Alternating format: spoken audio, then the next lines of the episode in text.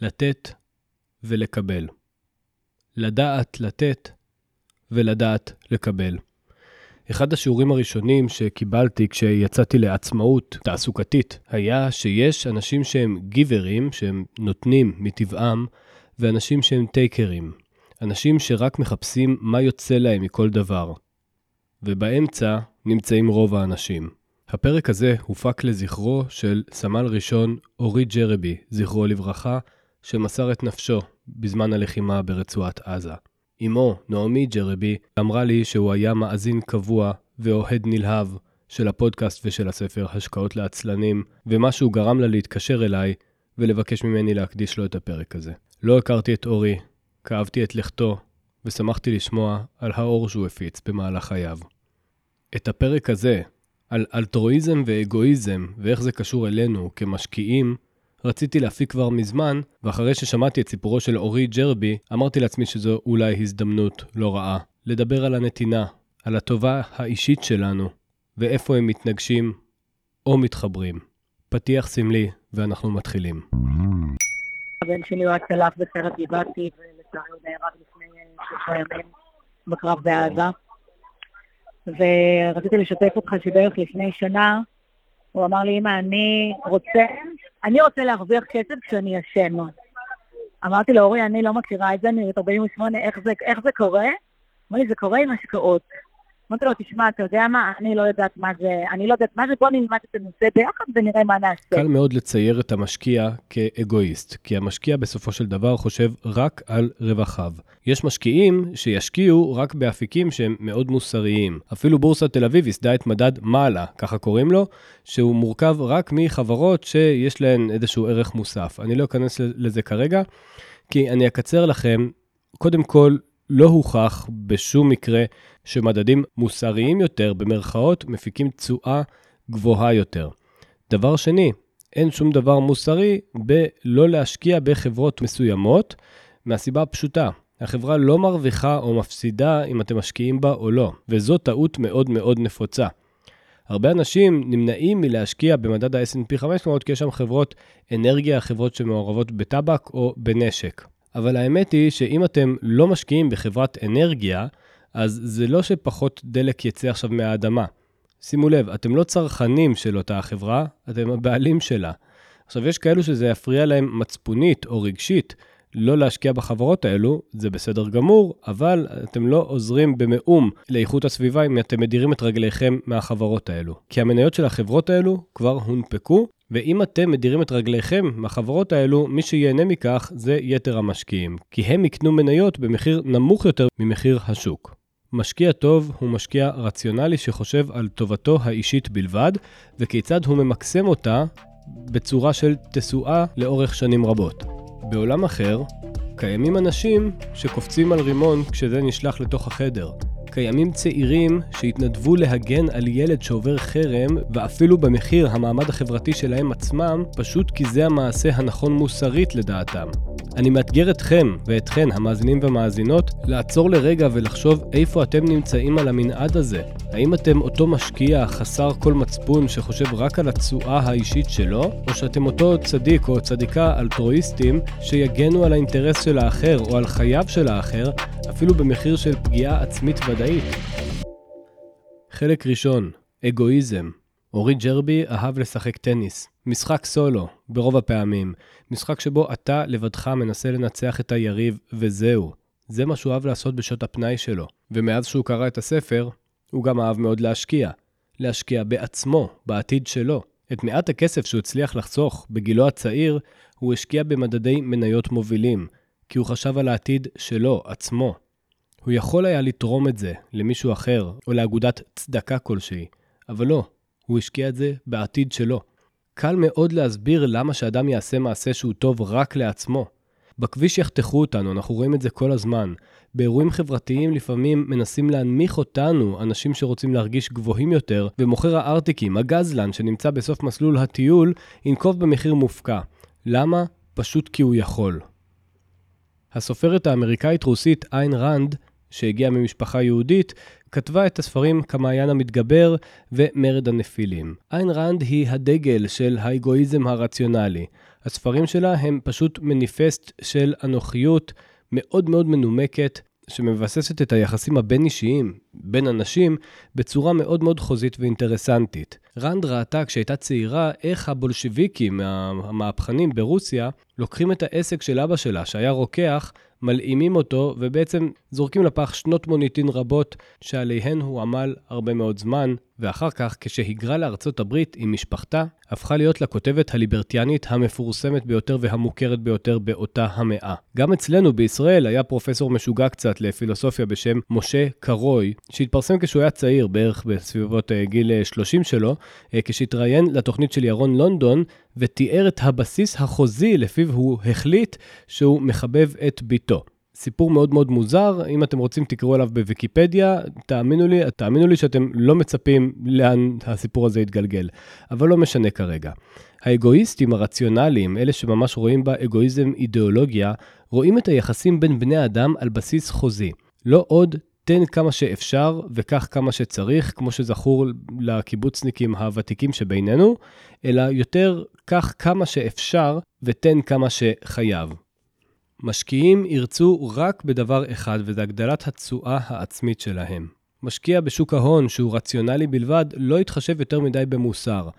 גם ככה מגבלות החוק מגבילות אותו, אם למשל יש לו מידע פנים או משהו כזה, כי הרי אסור לעשות את זה, אסור להשתמש במידע פנים בזמן שסוחרים אה, בבורסה. אבל המטרה של המשקיע, ובמיוחד המשקיע הפסיבי, זה ליצור כמה שיותר רווחים ולשלם כמה שפחות מס למדינה, זאת אומרת לחברה שהוא חי בה. זה מעשה די אגואיסטי. יותר מזה, משקיעים מאוד מאוד כבדים, אנשים מאוד עשירים, אפילו כשהם רוצים למשוך מהתיק שלהם, הם לא באמת מושכים, הם לוקחים הלוואה מתוך התיק. כן, שמעתם נכון.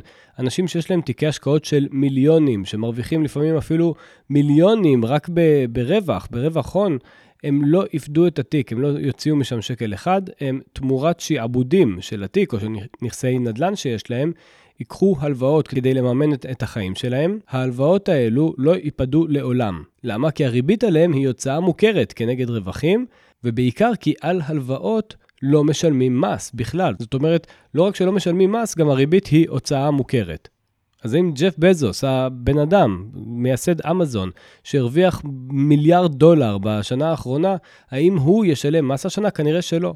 זה לא צודק, זה לא מוסרי, אני בטוח שגם לא בעיניו, אבל אלו חוקי המשחק, והוא, כמשקיע נבון, חושב רק על עצמו. אבל אז נשאלת השאלה, האם זה בכלל רע לחשוב רק על עצמך? האלטרואיסטים יגידו שכן. חברה שלו אמרה לו, מה יהיה מלחמה, וזה אמר, תקשיב, אני עם הרובה צלף.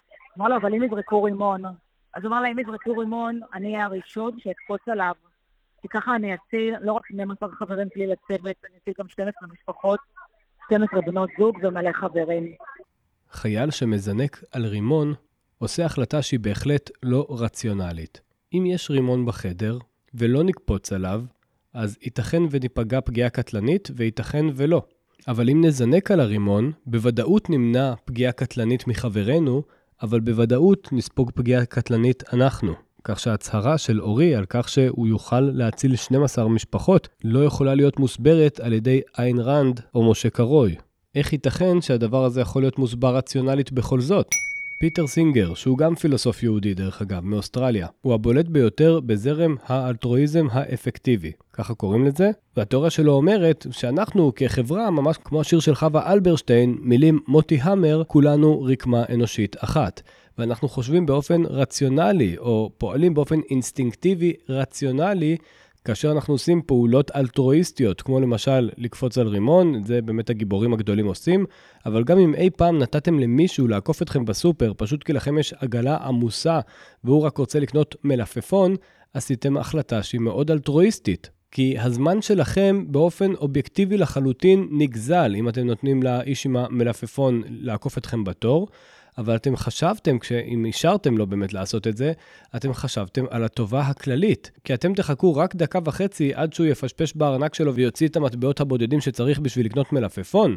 אבל אם אתם לא תאשרו לו לעקוף אתכם, אז לכם תחסך דקה וחצי, והוא יצטרך להתייבש מאחוריכם במשך 12 דקות.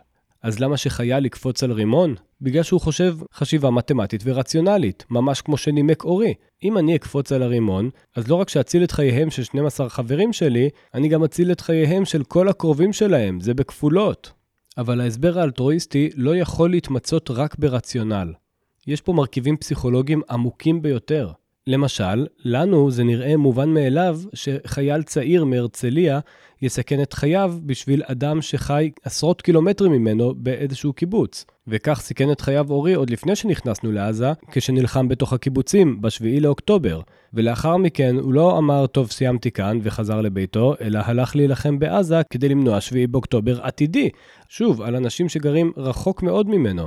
על אף השיח המאוד מאוד מפלג שפשה בחברה הישראלית בשנה, שנה וחצי האחרונות, תשימו לב שעדיין אנשים מאילת מוכנים להקריב את חייהם עבור אנשים מירושלים, אנשים מירושלים מוכנים להקריב את חייהם עבור אנשים מהנגב המערבי, ואלו מהנגב המערבי מוכנים להקריב את חייהם עבור אנשים מהצפון.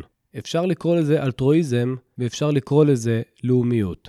וכשמישהו קופץ על רימון בשביל להציל את החברים שלו, יכול להיות שזה אלטרואיזם, ויכול להיות שזו פשוט חברות, רעות ביחידת לוחמים וסולם ערכים של אדם שחונך היטב. אבל אל תתבלבלו, אורי נפל בקרב. הוא לא קפץ על רימון, אבל לפעמים מעשי גבורה של ממש דווקא לא קורים בשדה הקרב, וגיבורים צצים בסיטואציות הכי יומיומיות שיש. הנה מכתב שקיבלה נעמי ג'רבי, אמא של אורי, זמן קצר לאחר הלוויה. שלום נעמי, משתתף בצערכם הרב על נפילתו של אורי. אני רוצה לשתף אותך על המפגש המיוחד שהיה לי איתו. סוף שנת 2018. אני תלמיד תיכון מוחרם. אף אחד בשכבה לא מדבר איתי. מתעלמים מקיומי. הרגשתי שכל יום בתיכון הוא סבל. פניתי לצוות בית הספר, אבל הם לא עזרו לי. אף אחד לא היה שם בשבילי. הדבר היחיד שעוד איכשהו ציפיתי לו היה חוג הטניס. אחר צהריים אחד, הכרתי במועדון הטניס בו התאמנתי את אורי. אורי חייך אליי, אולי ראה את הבדידות שלי. הוא היה איתי כל האימון, עזר לי בתרגילים, והיה שותף שלי לאורך כל האימון, למרות שהוא היה טוב ממני בהרבה. אפשר היה לראות לו בעיניים את השמחה ואת הרצון לעזור. גם בתקופה לאחר מכן, הוא עזר לי לא רק בטניס, אלא גם בהתחברות לאנשים אחרים בקבוצה. תמיד בחיוך, בצחוק, והפוך לחלוטין מכל מה שחוויתי באותה התקופה. כשאני חושב על זה, נעמי, זה היה בין המפגשים הכי חשובים שהיו לי בחיים. הוא נתן לי תקווה שיש עוד אנשים טובים בעולם, וכך הצלחתי להשתלב בבית ספר חדש, עם אנשים חדשים, ולצאת לדרך חדשה, מלא מחדש בתקווה ובאמון באנשים. ועכשיו, עכשיו אני מצטער שמעולם לא סיפרתי לו כמה שהוא היה משמעותי עבורי. ואני שואל, מהי הסיבה שגורמת לבחור צעיר לסכן את מעמדו החברתי בשביל אדם אחר, מדוכא ומוחרם? האם זה מתוך אגואיזם רציונלי? בטוח שלא. האם זה מתוך אלטרואיזם טהור? ייתכן, ואולי יש גם דרך שלישית. תיאוריות רבות ניסו לפצח את טבע האדם. האם אנחנו נולדים אלטרואיסטים והמערכת הקפיטליסטית ומוגבלות המשאבים שמסביבנו הופכים אותנו ליצורים אגואיסטים בצורה מחליאה? או שאולי ההפך, אנחנו נולדים אגואיסטים צרכנים שרק חושבים על החלב שאנחנו עצמנו צריכים לצרוך, והמערכת האנושית מחברטת אותנו והופכת אותנו להיות לאנשים שחושבים גם על הסביבה שלנו. אדם סמית, שהוא פילוסוף כלכלי בעיקר אה, מהמאה ה-18 מסקוטלנד, כתב ספר מאוד מוכר בשם עושר העמים, והוא הגה את המונח היד הנעלמה, The Invisible Hand, שמה שהוא אומר בגדול זה שלא הטוב לב של האופה גורם לו לחייך כשהוא מניח את הלחם על השולחן שלנו, אלא האמביציה שלו. כל אחד רוצה להגשים את עצמו, ולכן הוא פועל בצורה הטובה ביותר שנראית לו, ולרוב זה יהיה על ידי יצירת ערך, כדי שהחברה תאהב אותו ותתגמל אותו בצורה של כסף, כבוד, שם טוב וכולי. הוגה דעות אחר בשם ברנרד מנדוויל כתב באותה המאה, במאה ה-18, איזשהו שיר קצר שנקרא אה, משל הדבורים או פואמת הדבורים. השיר הזה, המערכון שהוא כתב, בעצם מתאר את כוורת דבורים, שכל דבורה בעצם רודפת אחרי הטוב המיידי והעונג המיידי שהיא עצמה אה, חותרת אליו, וככה בעצם יש מערכת שלמה, כוורת שלמה שמתפקדת, אבל בוקר אחד הן מחליטות להיות לא רק יעילות ולרדוף אחרי העונג שלהן עצמן, אלא גם להיות מוסריות, ואז ברגע שהן הופכות להיות לרציניות ודואגות לזולת וכל זה, הכוורת מפסיקה להיות פרודקטיבית ומתה. אני מקווה שאתם לא נקרעים עכשיו מצחוק, זה כנראה היה מצחיק במונחים של האנגליה של המאה ה-18, אבל אם אנחנו מסתכלים על החברה שלנו, ואנחנו רואים סך הכל חברה מתפקדת, יש אופה במאפייה ויש שומר בכניסה לרכבת, ומהנדס ש- ששוקד על הפיתוחים של העשור הבא, ואנחנו בוחנים כל אחת ואחת מהאמביציות של אותם העובדים והעובדות, בסופו של דבר כולם רודפים אחרי העושר והעונג הפרטיים שלהם, וביחד כולנו מרכיבים כוורת דבורים אחת גדולה ומתפקדת. למעשה, אלטרואיזם ואגואיזם לא כל כך סותרים אחד את השני. כשחושבים על זה, קשה להיות רק זה או רק זה. ואת הדוגמה הטובה ביותר אנחנו מקבלים כל פעם שאנחנו עולים על מטוס. מי מכם שלא טסים בכלל, או שטסים הרבה וכבר לא מאזינים בכלל למה שהקברניט אומר בתחילת הטיסה, בעת חירום אתם צריכים קודם כל לשים את מסכת החמצן עליכם, ורק אחר כך על הילד שנמצא לידכם. כי אם אתם לא תעזרו לעצמכם, לא תוכלו לעזור גם לאחרים. ואני לא יודע אם זה קשור ב-100%, אבל באיזשהו אופן זה מזכיר לי אותי בשנות הרווקות שלי, בשיחות ארוכות עם חברים רווקים אחרים, בהן הגעתי למסקנה שלאדם יהיה קשה מאוד להיות נאהב על ידי אחרים, אם הוא לא קודם כל אוהב את עצמו. כי אדם שלא דואג לעצמו, יתקשה מאוד לדאוג לאחרים. לא תהיה לו אנרגיה לזה. לא יהיו לו את המשאבים, ולכן לא התפלאתי בכלל לשמוע שאורי אהב מאוד את הפודקאסט הזה, הפודקאסט שמלמד אתכם איך לדאוג לעצמכם, קודם כל. pay yourself first. קודם כל, שלמו לעצמכם. מאז תחילת המלחמה קיבלתי מספר פעמים תמונות של הספר שלי, מרות בין הריסות, לרוב של מוצבים שנכבשו על ידי האויב. כמו כן יצרו איתי קשר מספר קרובים של אנשים שנרצחו, נהרגו, או מסרו את נפשם במהלך מתקפת השביעי באוקטובר, או במלחמה שפרצה לאחר מכן. אמנם התפוצה של הפודקאסט הזה היא אדירה, בימים אלו הפודקאסט המואזן בישראל וגם הספר הנמכר בישראל. ועדיין קשה לי מאוד עם העובדה שחברי קהילה, ומבחינתי כל אחד שקרא את הספר הוא חבר בקהילה, נפגעו במהלך האירועים האלו. ברמה שאני אפילו מעדיף פשוט לא לדעת את זה. מצד שני, גם העזרה שמושטת בתוך הקהילה, לא על ידי, אלא על ידי דמויות בולטות בקבוצת הפייסבוק, ועוד אנשים ובעלי מקצוע שאני מכיר, עם המון רצון טוב, מפיחים בי תקווה, ועם ההתקדמות והניצחונות של צה"ל ברצועת עזה, אני מתחיל לחטוא במחשבה שאולי העתיד עוד לפנינו. היום הקצר ביותר בשנה היה לפני משהו כמו חודש וחצי, ומאז כל יום יותר ויותר מואר, וככל שהעזרה והאהבה ההדדית הולכים ונחשפים, כך גם חוזרת התקווה שאולי בכל זאת כולנו רקמה אחת. כי אולי הפתרון הוא באמצע. אולי אנחנו לא צריכים לבחור אם להיות אגואיסטים או אלטרואיסטים, אלא הפתרון הוא לדאוג לחלש ולדאוג לאחר בגלל שדאגנו לעצמנו קודם כל. אולי אם נאהב את עצמנו קצת יותר, נוכל גם לאהוב את האחר. אלטרואיזם זה לא רק לקפוץ על רימון, ונתינה, כך מסתבר, לא מוגבלת רק לימי חיינו. הוא מת מוות מוחי ואנחנו זכינו לתרום את האיברים שלו כפי שהיא רוצה. והוא זכה להציל שני ילדים קטנים. לאחר פטירתו מפצעי הקרב, החליטה משפחתו של סמל ראשון אורי ג'רבי לתרום את איבריו. הכליה שלו הושתלה בבת שש, ואונת הכבד שלו הושתלה בתינוק בן חצי שנה, שיעברו עוד מספר שנים עד שהוא ידע מה זה אלטרואיזם. וכמה הגורל שלו קשור בתלמיד תיכון מוחרם, בנו, כעם שמתבסס על גיבורים בעל כורחם, ובצעיר מהרצליה שאהב לשחק טניס ולהאזין לפודקאסט פיננסי, ומאוד אהב, כך נראה, את עצמו ואת חייו. קודם כל, יהי זכרו ברוך. אוי. אם הוא עכשיו היה יודע שאני מדברת איתך, הוא בטוח מה זה היה על זה. ורציתי לבקש ממך בתור אה, מי שהקשיב לפודקאסטים כל הזמן, שתגיד עליו כמה מילים לזכרו.